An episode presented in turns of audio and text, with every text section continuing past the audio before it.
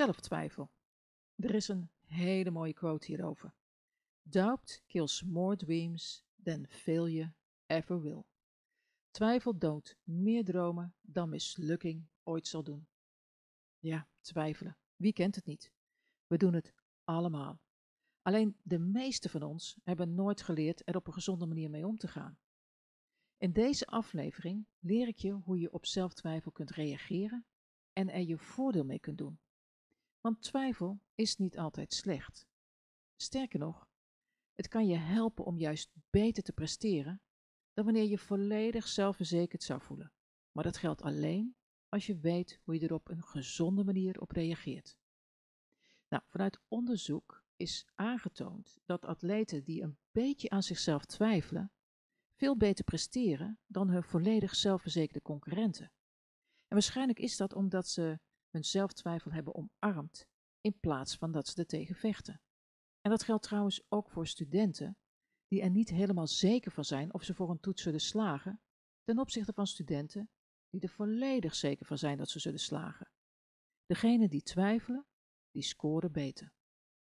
Nou, hoe kan het dat zelftwijfel je soms verder helpt? Dat heeft te maken met inspanning en focus. Als jij een beetje aan jezelf twijfelt, dan kan het zomaar zijn dat je wat harder je best gaat doen om voor die toets te slagen. En het is ook heel waarschijnlijk dat je meer gefocust bent op die activiteit. Iemand die zich volledig zelfverzekerd voelt. We zeggen ook wel eens dat ze zo vol vertrouwen zijn dat het bijna als arrogant overkomt. Die personen zijn meestal wat overmoediger en bereiden zich veel minder goed voor. Je kunt je voorstellen dat zij ook ja, zich eerder laten afleiden door wat er allemaal langskomt. He, want ze hebben toch het idee dat ze daar tijd genoeg voor hebben.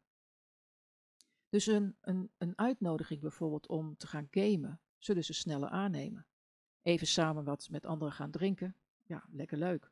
Sociale media, daar scrollen we nog een keer doorheen. Dus zij laten zich eerder afleiden. Nou, we hebben allemaal wel ervaring met zelftwijfel.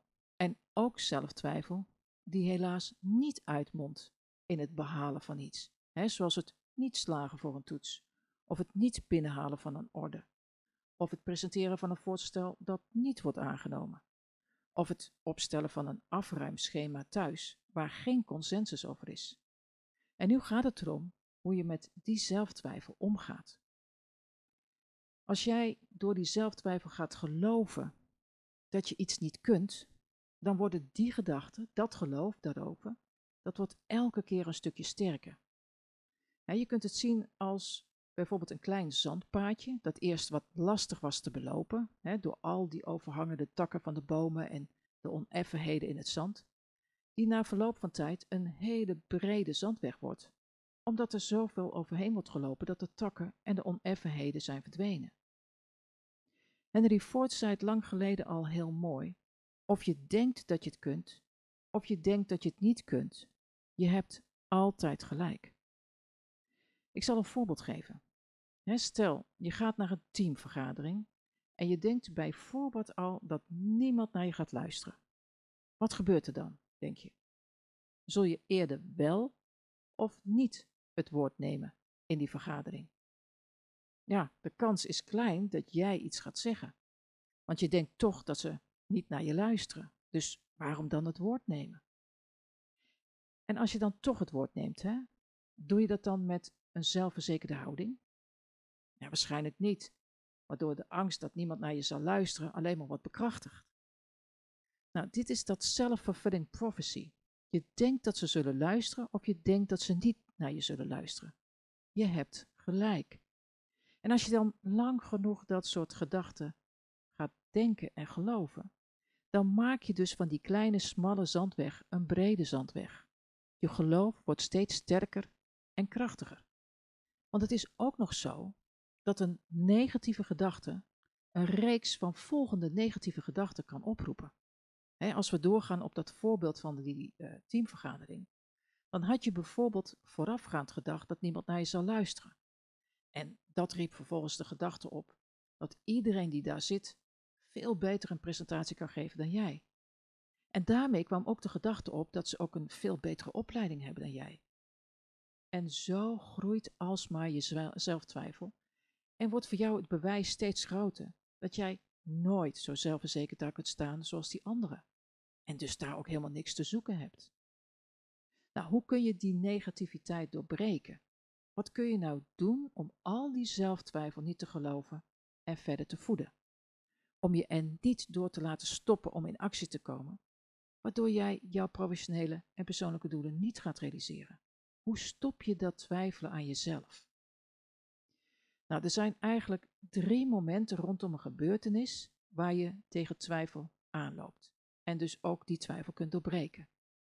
En even voor de duidelijkheid, met een gebeurtenis bedoel ik bijvoorbeeld het woord nemen tijdens een teamvergadering, hè, zoals uit het voorbeeld hiervoor. Maar je kunt ook denken aan een functioneringsgesprek als een gebeurtenis. Of een netwerkbijeenkomst als een gebeurtenis. Of een themaavond op school. Het zijn gebeurtenissen waar je aan jezelf twijfelt. Nou, welke drie momenten zijn er rondom een gebeurtenis waar je aan jezelf kunt twijfelen? Dat is een tijd voorafgaand aan die gebeurtenis. Dat is heel kort voor die gebeurtenis. En dat is tijdens een gebeurtenis. Dat zijn de drie momenten. We eens met dat eerste moment beginnen. Stel, je hebt over drie weken een presentatie te geven in een teamvergadering. Je hebt dus nog even de tijd om alles op een rij te zetten. Maar de twijfel sluipt al binnen. In plaats van te geloven dat je het allemaal niet gaat lukken, kun je jezelf er ook aan herinneren dat je een keuze hebt. Je kunt je tijd gebruiken om na te denken waarom je zult falen, of je gebruikt je tijd om ja, je goed voor te bereiden. En wellicht helpt deze vraag je verder. In plaats van te denken, wat als het niet lukt, dat je dan gaat denken, wat als het wel lukt. Wat er gebeurt is dat je denkt in mogelijkheden en dat je ook eerder in actie komt om die gebeurtenis te laten slagen. Nou, in podcast 6 ga ik wat dieper in op deze mindtrick. Je kunt daar nog veel meer over deze mindtrick beluisteren. Maar je komt dus eerder in actie om die gebeurtenis te laten slagen. Wellicht ga je tijdens die voorbereiding de hulp inroepen van anderen. Of ga je oefenen op iets wat je nog net niet helemaal onder de knie hebt. He, bijvoorbeeld hoe je een goede presentatie geeft of welke vragen je kunt stellen tijdens een netwerkbijeenkomst of het maken van een goede sales pitch. Op die manier zal de twijfel die door je hoofd schiet vanzelf minder worden, omdat je in de voorbereidingstijd meer zelfvertrouwen aan het kweken bent. Maar stel hè, dat je nu een paar minuten voor je gebeurtenis staat. Dit is dat tweede moment rondom een gebeurtenis. Je staat een paar minuten voor je gebeurtenis en je kunt je niet meer voorbereiden. De twijfel slaat toe. Wat doe je dan? Je kunt de worst case scenario's allemaal in je hoofd blijven herhalen. Of je gaat op zoek naar het tegendeel daarvan. Dus je gaat op zoek naar allerlei redenen waarom je zult falen. Of je gebruikt de tijd om na te denken over al het bewijs dat je zou kunnen slagen. En laten we hier ook weer even teruggaan naar dat voorbeeld van die teamvergadering. je wilt de mensen in de vergadering overtuigen om naar jouw ideeën te luisteren. Net een paar minuten voor de vergadering slaat die twijfel toe. Wat je nu kunt doen is jezelf eraan herinneren dat je bijvoorbeeld bent uitgenodigd om deze presentatie te geven, omdat jij de expert bent op dat gebied. Of dat iemand in jou gelooft en daarom jou heeft gevraagd dit onderwerp te bespreken. Of dat een presentatie in het verleden supergoed is verlopen. Bedenk dus voor jezelf een paar voorbeelden waarom je het fantastisch gaat doen. En misschien gaat het wel beter dan je dacht. Als je op deze manier gaat denken, dan komt er ook veel meer balans in wat er allemaal fout zou kunnen gaan en ook hoe goed het zou kunnen verlopen. En eentje, een strategie die ik zelf heel krachtig vind en vaak toepas, dat is deze. Wat zou ik nu tegen mijn vriend of vriendin zeggen die worstelt met zelftwijfel paar minuten voor een gebeurtenis?